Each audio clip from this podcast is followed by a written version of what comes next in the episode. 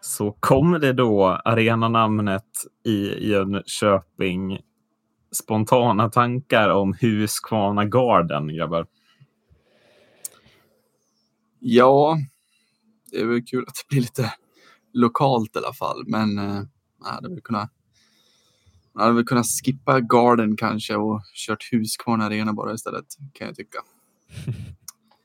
ja, det, det, det, är ju ändå kul att det är, en, det är ändå någonting som förknippas med Jönköping, att Huskvarna, och de har väl varit eh, lite eh, partners innan. Så. Ja. Eh, men ja, Huskvarna Garden, låt mig säga, vi vill vara som Madison Square Garden Arena.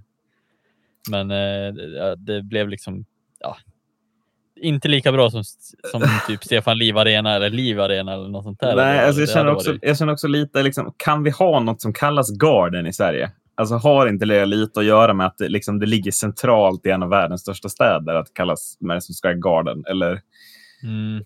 eller var kommer Garden ifrån? Oj, det har jag dålig koll på. Nej, jag, jag, är... Mest en retorisk fråga. men, ja, verkligen. Men, men hade inte Husqvarna Arena bara varit bättre? Eller, också? Jo. Egentligen. Ja. Känns, uh, känns skumt, gör det.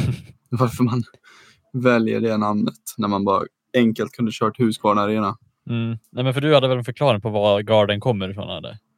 Ja, bara liksom bara, vad ska man säga, vad jag tror i alla fall. För det är, de har ju Gardena, de som, är, som gör alla robotklassklippare. De, här, det är, de går ju under Husqvarna Group, liksom, hela koncernen Husqvarna.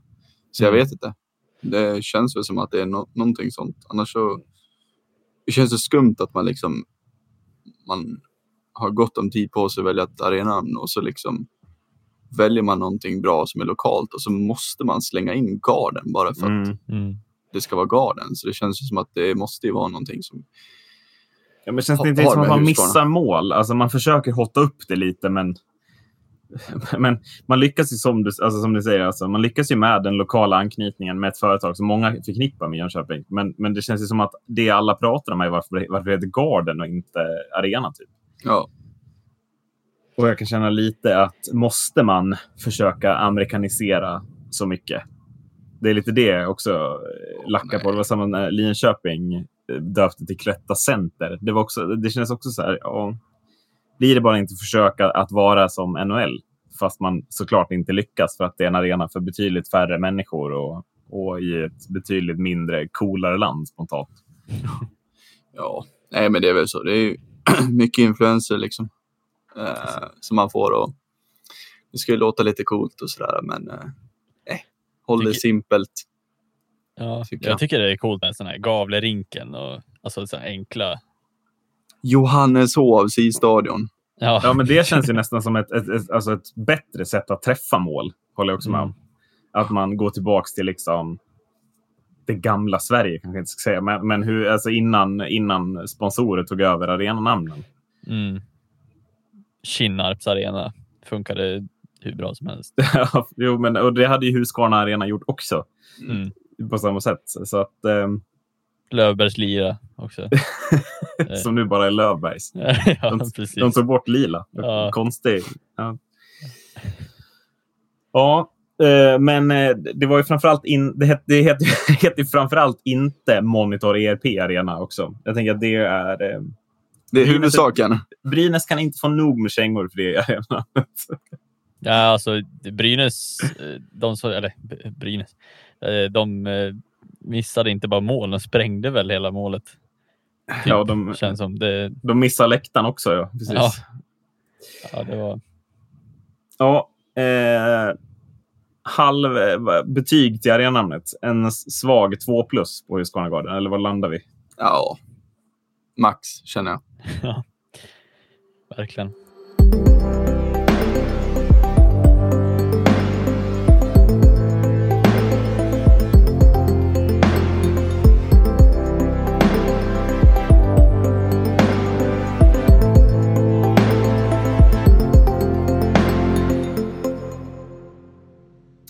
Då säger vi välkomna till det sextonde avsnittet av podcasten Sarg ut och det är söndagen efter att kultur och demokratiminister Amanda Lind redogjort att från och med 1 oktober så kommer mer publik troligtvis släppas in på svenska arenor.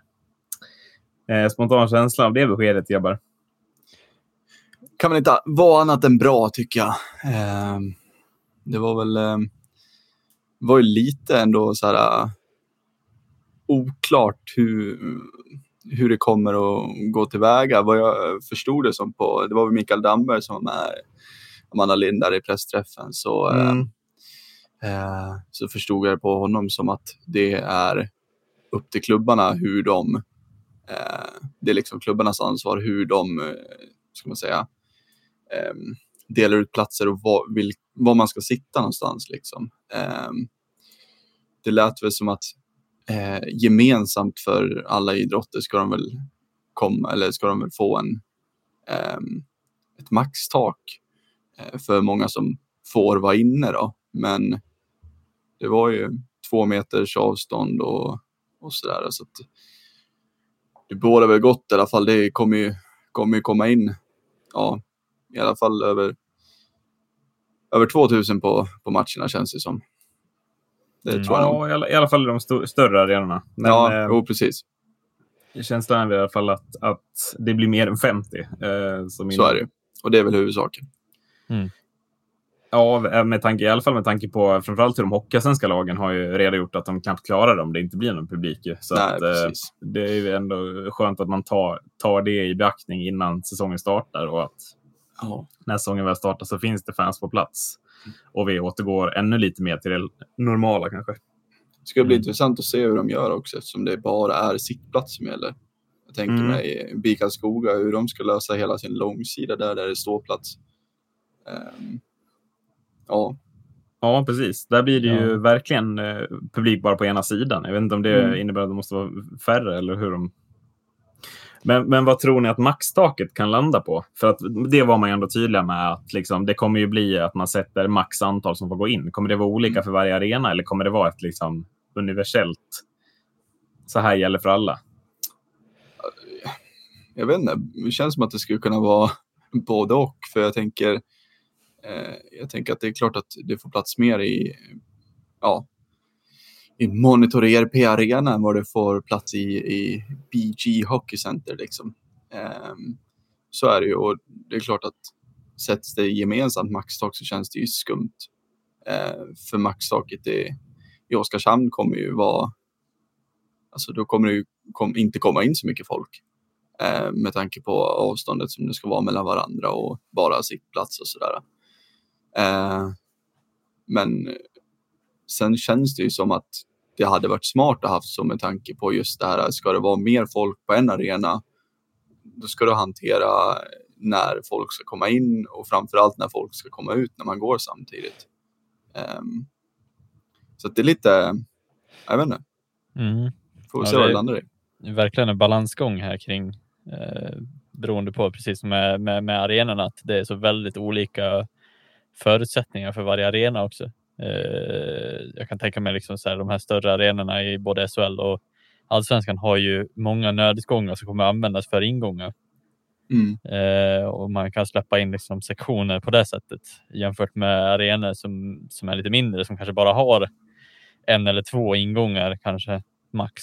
Eh, jag vet inte hur det ser ut till exempel i Mora, Erik. Eh, hur många nödutgångar och sådana grejer som det finns kring Ja, nej men Mora har det ganska... Alltså arenan, den är ju fortfarande...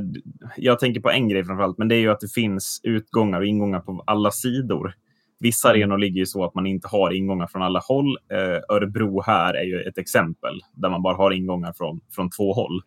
Mm. Men i Mora, där kan man ju om man öppnar upp lite nödutgångar och liknande, liksom ha ingångar från alla håll. Eh, både från, ja men det finns ju nödutgångar vid den stora sittplatsen och även, även var, normala ingången och ståplatsingången. Då kommer det in från tre håll. Mm. Eh, men jag tycker, jag tycker att du är inne på någonting. Alltså så här, vissa arenor har ju betydligt mindre, färre ingångar trots att det finns fler, alltså mer, mer platser där inne. Mm. Eh, men det, så att det delikata problemet kanske blir att att faktiskt se till hur människor ska komma in utan att stå nära varandra. Liksom. Mm. Mm. Eh, för jag tänker mig typ, eh, ja men som Te- Tegera till exempel kan, kan avgränsa olika sektioner för personer att kunna gå in på eh, på ett helt annat sätt än vad vissa andra arenor kan göra kanske. Ehm, Ja, men där har du ju, där har du ju ändå liksom så här ingångar i alla fyra hörnerna. Ja. Mm. Precis. och där blir det ju på ett sätt enkelt kan jag tycka. Och då, det är klart, då måste man ju lätta på, på ska man säga, på säkerheten lite eftersom det är ju det som det handlar om när det gäller nödutgångarna. Det är ju säkerheten och då måste man väl måste man väl lätta lite på det för att kunna släppa in och släppa ut folk eh, på olika ställen. För det funkar ju inte att göra som, som de har nu egentligen tycker jag, där de har en stor, stor main, main entrance så att säga. Um, och alla ska vara där. Mm. Eh, så det tycker jag ju nog att det är bättre att kommer in från, från olika håll. mm, Någonting som jag tycker dock blir viktigt också, det är att klubbarna inte får för mycket ansvar på sig. Alltså det är Nej. klart att klubbarna, alltså de ska lösa så att det, när man sitter ner så sitter man inte jättenära varandra och man inte är i samma sällskap eller liknande. Men det måste finnas lite personligt ansvar också. Bara för att man kommer till en hockeyarena så ska man liksom inte ha någon ursäkt för att ha glömt bort alla restriktioner som Anders Tegnell har pratat om sedan i början på februari. Liksom. mm. Utan då får man fortfarande tänka på att så här, ja, men just det, vi ska hålla avstånd och det får vi göra i en lång kö tills vi har kommit in. Eller Alltså något sånt där. Lite personligt ansvar tycker jag också att man kan kräva av de som faktiskt får komma nu när, alltså, när dels politiken och Folkhälsomyndigheten samt klubbarna öppnar upp för den här lösningen. Så, så krävs det att vi supportrar också ställer upp på att gö- liksom lösa det så att det inte blir några böter eller något sånt där skit. Nej, precis. Det blir lite Mm. så här, sabbar inte nu när vi äntligen får komma in. Nej, men precis. Mm. Det blir lite så. Det blir som de här restaurangerna som man har hört. Eh, många som, som inte håller, håller eh, de restriktioner som, som krävs. Och det är väl det också som man måste försöka eh, få klubbarna och, och, och sina fans att förstå att eh, vi kanske bara får en eller två chanser innan det liksom, ja, innan de stänger det helt igen. Alltså om de säger att det här funkar inte. Då, Nej, men precis. Alltså, man, man kommer ju bli så irriterad om man ser att det är liksom några som slår ihop sig och bildar någon slags klack som står jättenära varandra och skriker för fulla halsar. Liksom. mm, Eh, det är klart att man saknar en sån typ av klack jättemycket, men det är... Alltså, nu, måste, nu måste man verkligen hålla så att vi åtminstone... Alltså, alla som får gå nu betyder, det betyder så mycket för många att få gå. Alltså, sen om det blir sittplats och att man inte får skrika, då får det vara så. mm. Kan jag lite känna. Man får tänka på att eh, det är för klubben och alltså, det är viktigare för klubben att det finns folk som kommer och betalar än att, än att det är folk som hörs på läktarna nu i början också. Ja, men precis. Eh, för, för klubbens överlevnad. Klubben överlever utan fans uppenbarligen, alltså som så skriker, men de överlever inte utan fans som betalar. Och det är väl det Nej, men måste... och, alltså, de överlever ju inte utan publik. Det är väl mest så jag ska säga. Det är Ja. klart att, att om de fansen som betalar står och skriker, det gör nog inte klubben någonting. Nej. Men om det står några tillsammans för nära och skriker eh, och det innebär att man tar bort den här... eh, Alltså, det är ju ett undantag fortfarande. Alltså, Mm. Man gör ett undantag för idrotten och om man då får så här, nej, men då, nu, nu kan ni inte hålla det här, så nu blir det ingen publik. Mm. Då kan det bli slutet för många svenska klubbar. Det, då, risken är att vi får se ett fall som är otroligt, otroligt tufft, tror jag. Mm. Mm. Ja, nej, det är ju inte bara för, alltså det är inte för, visst det är klart det är för klubbarna och för alla som älskar hockey och för spelarna och bla bla bla, men det är ju liksom, det är ju för produkten hockey. Mm. För att den ens ska, alltså, överleva så att säga. För som sagt, om det här håller i sig och det inte är något, får komma några folk på matcherna, ja då, då kommer det börja ticka på, dem, på den där mätaren av de lagen som går i konken liksom för att de inte klarar av eh, ekonomin längre. Nej, men precis. Men jag tänker på liksom, hur många som får komma in. Kan lösningen vara, tror ni, att liksom, inte sätta ett tak i antal utan sätta det i procent? Att så här, ni får fylla arenan till 20 procent typ. Och så betyder Mm. det olika för, för, olika för alla klubbar. Men att, Det är ju jätterimligt skulle jag säga. Det är väl den absolut bästa lösningen. ja, kan det vara det? Eller kommer det liksom sticka i någons ögon? Eller, eller går alla med på det? Jag vet inte hur, Alltså det känns ju, ja det, det snackades, eh, för jag vet ju från modehåll så snackades det mycket om att eh, Fjällräven har möjlighet till att kunna ta, alltså de, de trodde på att det skulle kunna ta 50 procent Mm. eh, och, och fortfarande hålla restriktionerna. För Mora trodde ju Eh. någonting på samma. Mora eh, sa ju, så att då har ju de klubbarna på något sätt snackat ihop sig antar jag. eller ja, men ja, samma. eller har samma vision eller Ja, men det någonting. kommer ju någonstans ifrån, måste Ja. det göra, om man pratar om exakt samma typ av, att man tar in, Mora, i Moras fall, två, lite mer än 2000 då. Ja, Mm. eh, och det tycker jag väl inte egentligen borde. Det borde inte vara någon. Stö- alltså det, jag tror att det är större skillnad om man skulle sätta ett tak på maxantal. Det skulle påverka klubbarna värre på de som har större arenor.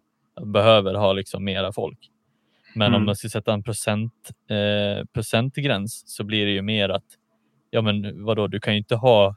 Du har ju den arena du har och det har du ju även när det är fullsatt. Mm. Så då blir det liksom inte så att det liksom blir begränsad i mindre än, än just det du kan ta in för tillfället. Nej, men precis. Så säg då 20 procent kanske var lågt räknat, men man sätter- sätter 40 procent då. Mm. Så 40 procent av fjällräven är ju mer än vad 40 procent av, av eh, eh, Moras arena också är ju. Mm. Men, men jag tänker att det finns också mer yta i fjällräven. Alltså det är Mm. mer antal kvadratmeter. Ja, Vilket ju borde, alltså rimligtvis borde, alltså om, om Mora och Modo skulle få exakt samma restriktion i antal människor så är ju Mora troligtvis en större vinnare än, än vad Modo är i det läget. Ja Mm. precis. Eftersom Modo Och, har mer arena att betala för. Eller Ja. vad man och sen liksom att tycka att det är, eh, för man kan ju inte tycka att det är orättvist heller för Mora och säga att ja, men för, vi tycker det är orättvist med 40 procent. Men den är fortfarande större när den är fullsatt också. Och det har ju så är det ju, ingenting. precis. Nej, men Eh, precis. Och så är det ju liksom. De har ju en större arena och då är det ju liksom att då har man ju fördel för, för att man har betalat för det förut. Eh, Så att jag menar, det är ju, det är ju mycket rättvisare lösning i så fall än att sätta en, en form av liksom antalgräns. Eh, För då, då blir det verkligen att arenans eh, kapacitet eh, är ju den som väljer, eller är ju den som utgör hur många du kan ta in. Mm. Så att då är det ju utifrån det. Så det blir, det hade varit en perfekt lösning. Ja, för ett sånt lag som Frölunda borde väl ändå kunna få in hur, många, hur mycket tar Skandinavien? Nej, 11 000 Tolv- eller? tolv, 12 000. tolv. Alltså, man borde ju kunna få in 5 000 där. Och, och det är ju på riktigt vad, vad vissa svenska arenor tar när det är fullsatt. Mm. Men det är, inte, det är ju typ 40 procent i Skandinavien. Mm.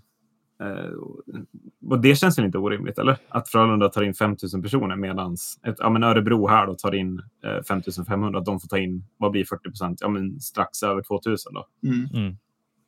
Ja, nej, men det, alltså, det är ju det också. Det är ju som ni säger, det är liksom alla olika förutsättningar eh, gällande liksom hur många som kommer på matchen. Om man då har procent istället för ett maxantal i, i rena siffror liksom, så är det klart att det, det blir ju liksom mer fair and square då. Mm.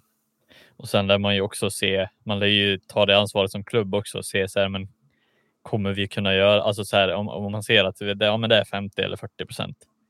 Så lär man ju se så här, men vad, eh, hur kommer det folk att sitta? Sitter det dumt ändå liksom när det blir så här många? Att man måste kunna ta det beslutet också som klubb. Att det inte bara går blint på att ja, men det är 40 procent som gäller, då kommer vi klämma in 40 procent. Då, då hoppas jag inte att det, det blir någon sån här ja, men vi har klämt in fem pers i bastun eller vad de nu har. Men har Alltså- du läst något hur- om hur Modo har tänkt att liksom fördela platserna, Marcus? Eh, för det var ju snack om att det skulle vara tomma bänkrader och sådana grejer. Eh, alltså jag har inte. Nej, jag har inte läst något eh, hur, hur man, alltså man ska väl använda sek- olika sektioner. Ja, jag. men det ska man Eh, göra. och Man ska inte fylla sektioner. Men det, det var ju snack lite. Jag såg den här presskonferensen lite med ena örat och ögat eh, eftersom att det var på arbetstid och jag hade annat för mig. Men eh, att, att de pratade om att ja, men det kanske behöver vara varannan bänkrad man sitter på eller någon sån där grejer. Och, Mm. eh, och då om man inte kan om, om varannan bänkrad ska vara tom och man kan inte sitta bredvid varandra så blir det ju svårt att, att få in 50 procent i mitt huvud. men, Ja, men om man, jag vet inte hur man har nej. jag tänkte det- om du hade hört något, för jag har inte hört något från Mora heller. Eller hur? Eller, du kanske också har hört något, Adde, från Djurgården? Jag vet inte om ni har. Nej, nej. Jag har inte sett något som man har tänkt än. Nej, jag har bara sett att de har tänkt eh, eftersom fjällräven ligger så pass bra ute mot eh, mot vattnet också, ut mot, alltså på en liten, eh, vad ska man säga? Udde. udde, En pir, kobbe. kobbe.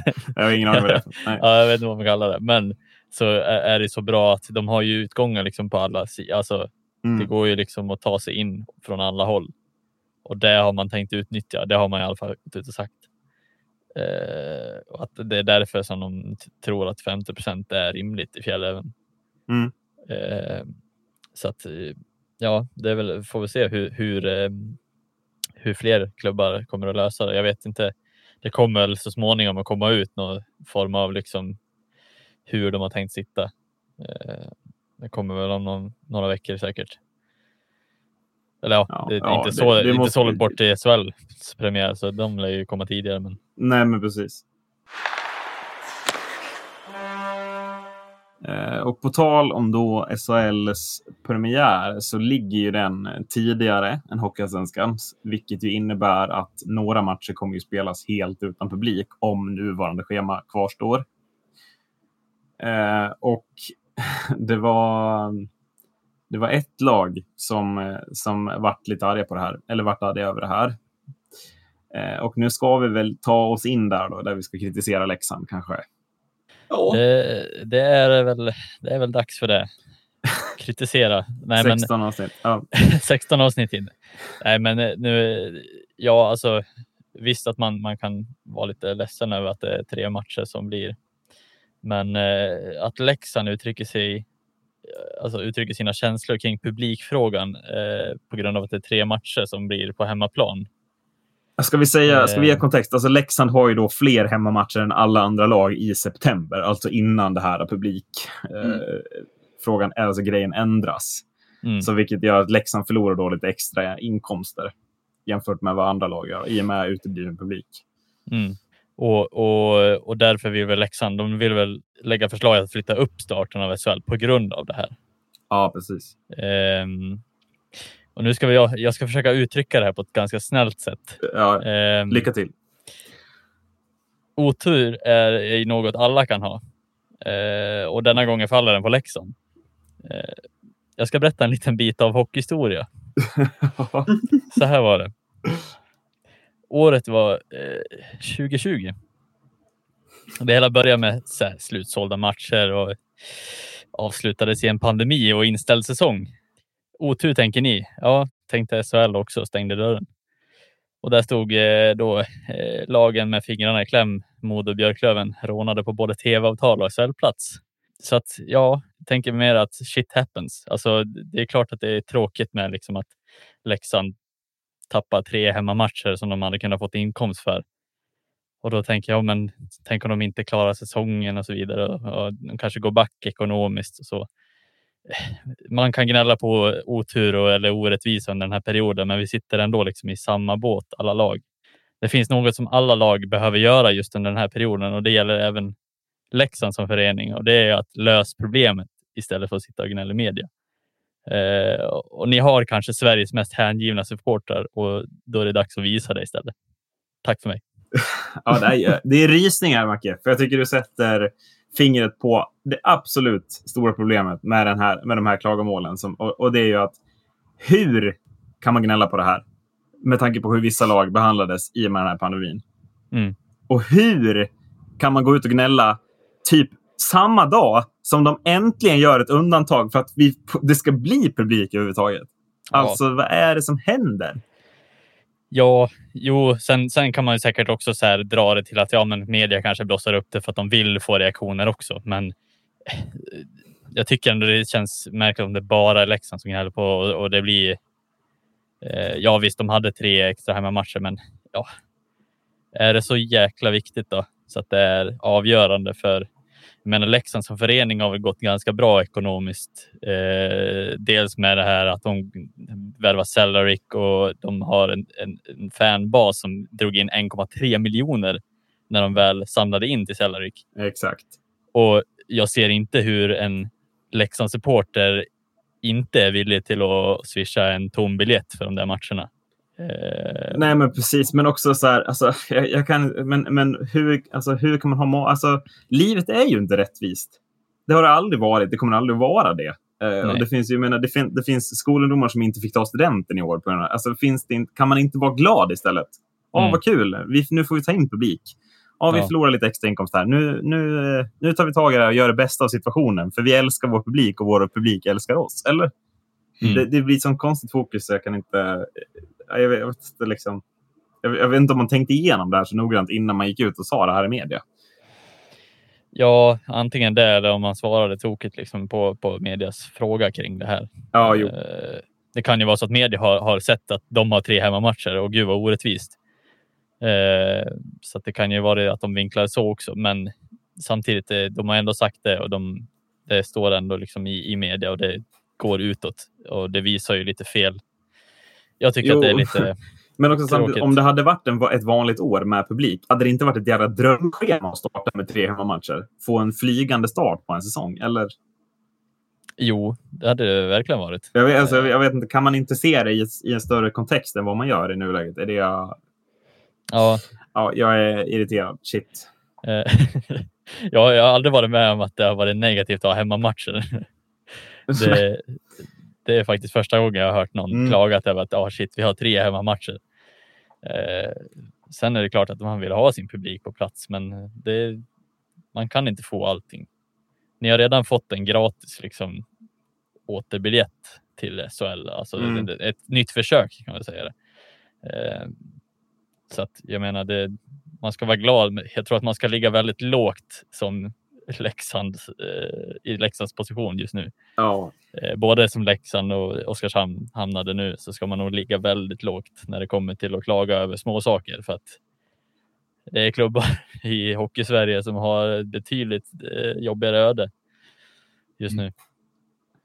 Alltså, jag, jag förstår ju, alltså, jag vet inte, jag ska säga, jag förstår dem väl på, på ett sätt. Det är klart att, att det ska vara, men det är klart att man vill att det ska vara rättvist, men det är ju som du säger, allting är inte rättvist här i livet. Så är det ju bara, det är bara, det är bara att inse det. Men det Mm. som jag tycker är konstigt också, det är så här att man, man gråter över några uteblivna, ja, jag vet inte vad det handlar om, men någon miljon i, ja. eh, i intäkter på liksom biljetter och kiosk och allting sånt där. Men att man då gråter över det direkt när man har fått beslut att man får ta in pu- publik. Men någon dag innan så har man signat Celarek på x antal tusen lappar i månaden. ja. Det är ju, bara, det är ju också så här fel signaler på ett sätt. Jag vet inte. Ja, Jo, men är det inte... Alltså, så här, ja, det har ju varit mycket kritik mot Amanda Lind, med all rätt. Men Mm. när hon väl nu då... Hon, efter många om men så är hon med i en tv-intervju eh, på Dplay. Eh, hon står inne på Tele2 Arena, ser möjligheterna. Och en vecka senare så kommer hon med information eller liksom ett besked att ja, men vi gör så här. Så vi kan, kan man inte visa lite tacksamhet? Mm. Kan det inte Mm. bli lite liksom ja men shit vad bra, uh, för nu får vi hemmamatcher. Istället för att direkt, ja nej, nu tappar vi en massa miljoner här för att vi, vi har fler hemmamatcher i september än andra lag. Mm. Ja, nej, men man ser bara. Man ser bara liksom neg det negativa. Eh, och det, det kan jag också så här inte förstå. Varför tar man inte som, som ett lag som Leksand, som, alltså, kan man inte visa vägen istället för att eh, för att liksom gnälla på, på det här? Att man så här, ja, Leksand tappar tre hemmamatcher, men de löser det genom det här. Alltså så här, de har ju världens läge. Alltså, vad fan, signera 25 tröjor och sälj på, på liksom på något eh, Tradera eller någonting. Alltså så här, gör, gör någonting som, som gynnar för fansen. Och, Ja men eller som du liksom- säger Macke, sälj biljetter. Fast Ja. ingen får gå. Jag Ja, är precis. helt säker på att precis som du så kommer folk köpa biljetter. Ja, för jag menar, så, man såg ju när Modo och Björklöven blev av med sina matcher. Ja, men de sålde ju alltså tomma biljetter till fan hur mycket personer som helst Mm. och drog in alltså nästan hälften av inkomsten ändå. Ja och jättemånga sa ju, nej men behåll pengarna jag betalt för min biljett. Ja, Alltså jag vill inte ha tillbaka dem trots att jag inte får se någon hockey. ja Alltså, alltså, visa, visa den bra sidan av era supportrar. Ja, men Alltså, precis. det- För att de är ju, det är ju Sveriges största supportergrupp vi pratar om också. Ja. Och det är många där som, gör, som blöder för Leksand på ett sätt som ju är väldigt beundransvärt såklart. Ja. Och då har man världens chans nu att kunna liksom så här, ja men våra supportrar bidrog med tre hemmamatcher som vi tappar. Mm. Istället för att vi så här, ja men shit, vad dåligt att vi fick tre hemmamatcher i. Det är ju ren, alltså det är ju tur i en annans öga liksom att ja, men shit, tre hemmamatcher i september fullsatt ja, i vanliga fall om det hade varit. Alltså, det blir liksom som att de vänder det till negativt bara. Och, Ja, men de sätter ju Det- på sig en offerkofta som de inte riktigt kan ta på sig, tycker jag. mm, Eh, Sett till, ja men som du säger, alltså bara de här tv-miljonerna är liksom 38 miljoner extra jämfört med om man hade åkt ner i allsvenskan. Det Ja. tjänar man inte in på tre hemmamatcher. 38 Nej. miljoner. Det är jag helt säker på. Mm. Det gör man inte. Nej, så att det, det blir väldigt, väldigt tråkigt att, att det ska bli negativ stämning på ett positivt besked. Mm. Det är det som är så här, ja men shit, vi hade ju kunnat bli helt utan publik fram till januari. Men vi får, vi får faktiskt möjligheten att göra det i oktober och det första som händer är att ja, man gnäller över att man har tre hemmamatcher i september och missar chansen på att få. Ja, det blir. Nej, och de ska liksom försöka påverka och skjuta upp hela premiären eh, bara för att de känner sig liksom orättvist behandlade. Ja, det blir. Det blir väldigt, väldigt tråkiga eh, tråkiga rader att läsa liksom på, på, på tidningen. Eller i tidningen. Ja, men fan kör igång liksom istället. Och glad för att hockeyn är liksom att ni ens får spela och nu att publiken får komma. Ja, men fan kör. Mm. Liksom. Nej, jag förstår liksom inte varför man blir så ledsen över en eh, sån skitsak egentligen. För det är det är i sammanhanget tycker jag Mm. man måste kunna se det stort också. Det var exakt som vi sa, pratade om innan där att liksom se, det, se på det stort istället. Hockeyn är tillbaka, fokusera på hockeyn. Ja, för det är väl bara det alla vill göra. Precis. Alltså, det börjar bli så mycket fokus på pengar nu att man inte riktigt... Det blir svårt att bli taggad när man hör pratar om att liksom, föreningen kan behöva lägga ner på grund av ekonomin. Mm. Eh, och det här påverkar ekonomin. Allting påverkar ekonomin. Eh, ja, det är lite det corona signalerar. Det påverkar ekonomin eh, för att vi måste vara hemma istället för att komma till saker eller betala för saker eller liknande. Alltså, Mm. Nej, nu, jag säger som du. Nu kör vi fan igång bara och sen slutar vi prata pengar. Om man ser eh, då till att hockeyn ska starta så har det skrivits många intressanta låneavtal med spelare och det, det är bra namn som kommer att spela i de svenska ligorna den här säsongen. Eh, vad vet vi om de här låneavtalen? Är det någon av er som har bättre koll än mig på dem? Eh, ja, de är många. Eh, det sa jag i och för sig. ja, nej, men och sen är det ju, ja, många NHL som är på insteget till NHL eh, kan man väl säga. Eh, och många av dem till allsvenskan, förvånansvärt många. Eh, som blir lite halvintressant att se.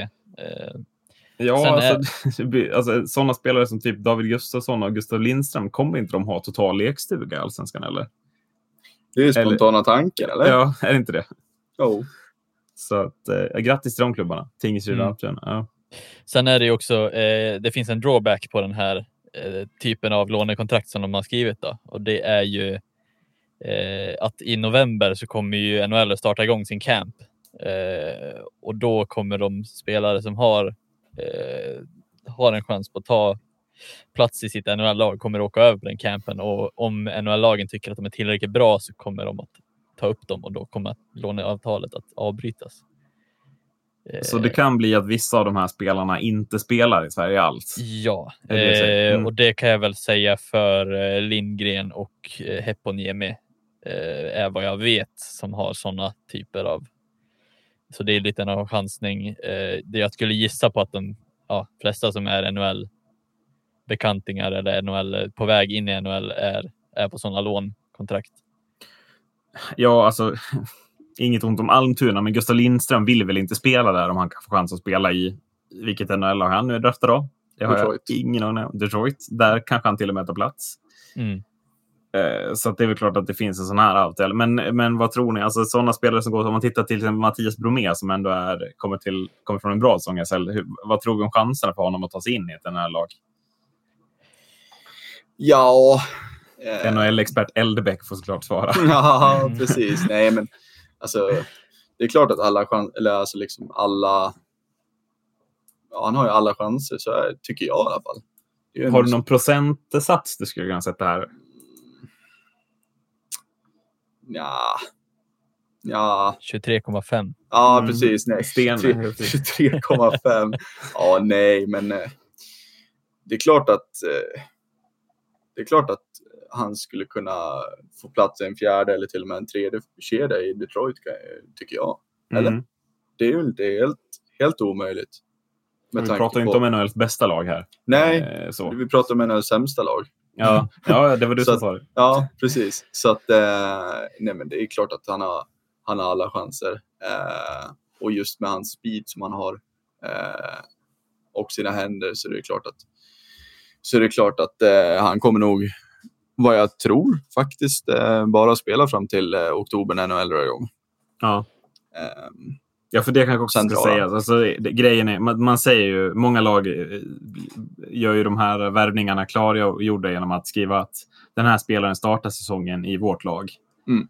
Eh, och det är väl klart att de, de gör ju det, men, men det som säger, om nu SHL då startar i mitten på september så hinner Mattias Bromé spela typ fyra matcher ifall Detroit vill ha honom. Ja. Och sen så är han förlorad för Örebro. Mm. Kan ju göra mycket också i början och få en kick där, alltså för Örebro. Att, att ha en sån spelare med, eh, kanske vinna några matcher, få lite, ja men, få lite feeling och få lite självförtroende in i, i nästa del av, av säsongen. Liksom. Så att, de behöver väl inte ha någon jävla självförtroende efter 10-1 mot Djurgården eller? nej, men nu, Har Djurgården tagit in Adde? För ni verkar uppenbarligen behöva. Ja, nej. Eller ja, Tobias Björnfot. Ja, det är väl Mm. bra, eller? Ja, ja, absolut. Men det är ju inte Mattias Bromé dignitet på det. Nej, nej, absolut absolut inte. Men nej. eh, det är klart att Tobias Björnfot kommer, kommer vara bra. Sen om han tar plats i, i LA, det finns väl alla möjligheter till det också eftersom han var otroligt bra förra säsongen i början där när han blev höjd till skyarna av Drew Dowdy till exempel. Så att, eh, ja, vi får väl se vad det blir.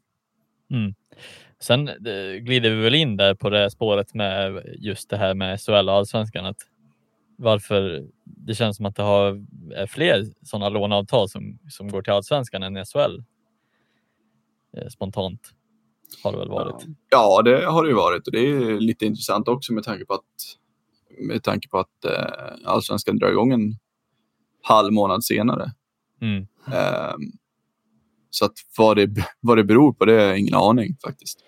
Men jag känner, känner ju ändå så här eh, som, som man har hört av Luleå eh, som gick ut och sa det att om man ligger lågt, man är lite orolig för ekonomin. Eh, man kanske inte har kunnat göra de värvningar som, som man kanske vill göra eller man, vill inte, man har inte varit het på marknaden. Så varför är inte det ett alternativ för ett lag som Luleå egentligen att kunna ta in en sån spelare och ha liksom nu i början av september eh, och kanske eventuellt få den spelaren på hela året. Mm. Ja, och, och sen tycker jag det beror lite på vilken spelare man går efter också. Alltså Örebro är väldigt heta nu på Mattias Bromé. Eh, jag, vet inte om jag, jag tycker ändå att chansen känns väldigt stor för honom. Jag tycker man måste vara lite hård också, inte när man pratar med spelaren i sig, men, men alltså Mattias Bromés chans att spela eh, NHL kontra eh, ge mig ett alternativ, en forward som inte har varit nära att ta sig in i ett NHL-lag på länge. Liksom. Mm. Kanske är, alltså det, kanske, det är ju säkrare för vissa lag att ta in vissa spelare för att chansen att de spelar i NHL är lägre. Tror ni man tänker så? Eller tänker man att alla spelare har lika stor chans att ta sig in i en NHL-trupp? Än i en NHL-trupp? Nej, det är alltså, där håller jag med dig att det är ju, känns det som att det är säkrare att plocka in någon som, ja, men, som man vet håller, håller SHL-klass. Alltså, på så sätt. Sen är det klart att om man jämför om man jämför en, en bra SHL-spelare med Mattias Bromé som är en stjärnspelare i SHL, då är det ju klart att får man chans på Bromé, så är det klart att man kanske tar den, men då Ja. måste man ändå vara medveten om att okej, om vi tar Bromé då kanske han försvinner efter några matcher. Eh, men tar vi den här killen så då har vi honom hela säsongen. Mm. Och sen kanske det är lite också, det, det tänkte jag inte på, men att man, man tar Bromé ifall att han skulle inte komma in i NHL-truppen. För då Ja. har man ju, ja, som du säger, en gratis stjärnspelare ett år. Liksom. ja, Mm. men precis. Ja, men för det finns liksom en viss, en viss chansning i de här typen av lån. Eh, och det, det är väl sådana man måste chansa på för att liksom spara ka- kanske in på lite kapital och lite värvningar så att, att man om man får dem så är det ju ett enormt tillskott kanske. Mm. Men om man inte får dem så ja, då är det så. Eh, det, på svar på din fråga Erik, som, som jag kan jämföra med typ med att eh, Alexi Heponiemi kanske har lägre chans än Bromé egentligen kanske. Även om eh, för Vilket Bromé- lag har draftat Heponiemi? Jag tycker Eh, det, Florida. Florida. Ja, för det, det avgör väl också ganska mycket. Alltså, vilka Ja. har man att ta sig in i? För att som du säger, alltså Bromé ska in i Detroit. Jag tycker att är det någonstans man ska ta sig in så är det väl i det laget kanske. Ja, precis. Och sen tycker jag väl att Bromé är ju ändå en etablerad spelare i SHL. Eh, Heponiemi är inte det. Men, Nej, men eh, finska sam- ligan då? Alltså, jag vet inte, hur står sig den mot SL numera? Alltså, Alltså, den är väl ganska, det brukar vara bra värvningar från finska ligan. Så att, jag tror ändå att Heponiemi hade kunnat gjort det bra i SHL. ja, ja. Det så, tror jag också. Utifrån. Sen kanske inte på samma sätt som Bromé, men Men jag tänker som, som Modo har tänkt kanske i baktanken någonstans eh, att typ Lindgren kommer ha sämre chanser än Heponiemi till exempel och, och försvinna. Alltså till eh, att han tar sig in i Toronto jämfört med Heponiemi i Florida. Man någonstans kanske har den tanken att ja, men det, Lindgren är ett säkrare val, men Heponiemi är en mer chansning och får vi kvar han, ja, då är det ju guld värt. Liksom. ja, precis. Ehm, så att typ den, den nivån kanske man kan tänka på. Det är också bara lite, äh, vad, vad säger du? Adde? Jo, det skulle ändå vara intressant att veta också hur det ser ut i avtalen. Jag tänker med eftersom att det är NHL-klubbarna som äger dem eh, Mm. och det är de som liksom bestämmer över dem lite så. Också intressant att se typ då efter camperna hur det ser ut med en, ja, men till exempel en Gustav Lindström. Mm. Ehm, om de inte anser att han eh, kan ta sig in i, i NHL och slå sig in där, vad, vad kommer de att göra? Kommer de då, är det inskrivet att om man inte tar sig, det är liksom det handlar om NHL? Eller kan, kan Detroit i det här fallet ta honom och sen skicka ner med AHL och sen inte skicka över honom till Almtuna liksom? Det skulle ju vara intressant att veta det också. Eller om det är bara att ja, men, om Lindström ska tillbaka till Nordamerika så måste han ta sig in i NHL. För att göra det, annars så blir han kvar i Almtuna. Mm. Eh, Jag, tror, jag tror att det är eh, jag tror att NHL-klubbarna hellre vill att han spelar i den svenska eh, ligan än, än, än AHL också. Så Ja, det är det Om som är så- har gått med på låneavtalen så känns det ju logiskt om, att de faktiskt vill att man ska, för jag menar typ som ett lag som Modo som har bra eh, rykte när det kommer till spelar, alltså eh, ja, men spelarutveckling Mm. så tror jag som NHL-klubb att man hellre ser dem utvecklas i ett lag som, som det än i AHL. Mm. Eh, och man har väl sett under åren att det är många spelare som utvecklas väldigt bra i svenska ligan. Ehm, så att jag, jag, jag tror, jag skulle gissa på att det är, jag har ingen liksom facit på det, men jag skulle gissa på att NHL-klubbarna hellre ser dem i allsvenskan SHL än, än i AHL. Ja, nej, men det känns som att det är så, men det är ju det skulle vara kul att, att verkligen veta eh, hur, hur det ligger till. Mm. Sen kan det ju vara så att de vill testa dem i alltså, liten rink också, att eh, om de är ganska nära en, en plats, att de vill testa dem i AHL för att få Ja, men precis. Och vänja dem vid, vid liten rink. Liksom. Att det precis. kan vara det som gör det. Men, Men det är ju det som är intressant med, ja men, kommer tillbaka till, till eh, Lindström. Men ändå intressant att se just det där med att anpassa sig till liten rink och så vidare. Med tanke på att han var hela förra året i, eh, i USA också. Mm. Eh, så han har ju, kanske inte anpassat sig helt då, eh, men eh, han har ju liksom spelat en hel säsong där och det är klart att då måste man ju ändå ha kommit in i det. Så då mm, känns det ju som att det bara är NHL det handlar om och Mm. inte att ja, men, vi tar tillbaka honom och skickar ner en AHL för att låta honom akklimatis- akklimatisera sig. Liksom. Mm. Men det har han ju gjort en, en hel säsong. Så att, ja. Nu vill jag så här, ta, ta upp en liten sido, ett sidospår här, men alltså, jag tror att det är svårare att anpassa sig från liten rink till stor rink än vad det är från stor rink till liten rink. mm. Tror jag. ja. Men Kan det vara därför som Lindström eh, vä- väljer Hockeysvenskan? För att det är lite mer likt NHL i liksom tuta och kör-stilen. Ja, Mm. Att han liksom vill ha, alltså det, jag säger inte att det går snabbare i Hockeysvenskan än- vad det gör i SHL, Men det går mer fram och tillbaka i alla fall. Det är väldigt Mm. mycket kötta rakt på mål. Liksom. Ja. Eh, och att det, det, det är i NHL. Jag, jag försöker uttrycka mig här, men att NHL är ju mer, i och med den lilla rinken, så blir det ju mer rakt spel och man går mer rakt på mål. Sen har man enorma skills där på vissa spelare. Eh, så. Men, men att kan det vara därför Lindström liksom vill ha det här, att det körs lite mer och att mm. det passar honom bättre i nuläget efter ett år där. Det är ju möjligt. Absolut. Mm, för SHL blir lite mera taktiskt avvaktande på något vis eh, jämfört med det är ju. Alltså, Det är så det ser ut i SHL. liksom. Ja, Det är ju Och andra det- typer av spelare. ja, och det, det är ju liksom. De är ju bättre slipade när det kommer till alltså just försvara sig taktiskt, taktiskt försvara sig mot varandra. Så att det blir lite som att det ser ut som att det går saktare kanske. Det är inte samma. Men skulle en spelare köra rakt på det så kanske bara faller in i deras fälla och det är väl precis vad de vill. Eh, så det är väl lite det som är. Eh, men jag tänker mig också så här med här, om vi återgår till, till eh, liten och stor rink, att alltså spelare som kommer från SHL allsvenskan som är etablerade där brukar ju oftast ta sig in väldigt bra i NHL och eh, jag tänker på Elias Pettersson till exempel som gick rakt in i Vancouver och verkligen har. Det inte syns ens att han har påverkats av att det är en liten rink jämfört med där han spelar i SHL liksom, en stor rink Ja, men precis. att han, han är ju hur bra som helst på små ytor ändå, även fast han har spelat hela sitt liv på storring. Eh, så att det är där är lite också så jag tänker att men det är ju många spelare som har tagit sig rakt in liksom, utan att ha tagit steget via AHL eh, och ändå liksom anpassat sig ganska bra på en gång. Eh, så jag funderar på om det är tvärtom. Liksom, många spelare som är van vid att och kanske inte behöva täcka av lika mycket på en, en nordamerikansk rink jämfört med vad det är i SHL och allsvenskan. Att det blir lite, ja. Man har sett en, en del nordamerikanska floppar i svensk hockey kan man säga. Om, om vi Helt drar klart. dit. Verkligen. Ja, och de som kommer från Nordamerika också och sen akklimatisera sig till de svenska rinkarna, de, de får ju ibland en, en otrolig... Tänker typ på Bud Holloway första året han kom. Mm. Snackar ju så enormt mycket om att ja, men han, han aldrig spelat på, eh, liksom, på stor rink. Kom ju in och det, det gjorde ju bara Bud Holloway bättre. Han blev en bättre Mm. spelare på stor rink. Så att, det, bara för att man kommer från eh, USA eller Kanada och spelat hela sitt liv på liten rink behöver ju inte det betyda att man automatiskt blir sämre på större rink Nej. eh, heller. Och det är ju samma sak, ja, men tänk på Elias Pettersson. Ingenting i, i Elias Petterssons kvalitet säger ju att han blir sämre på en liten rink.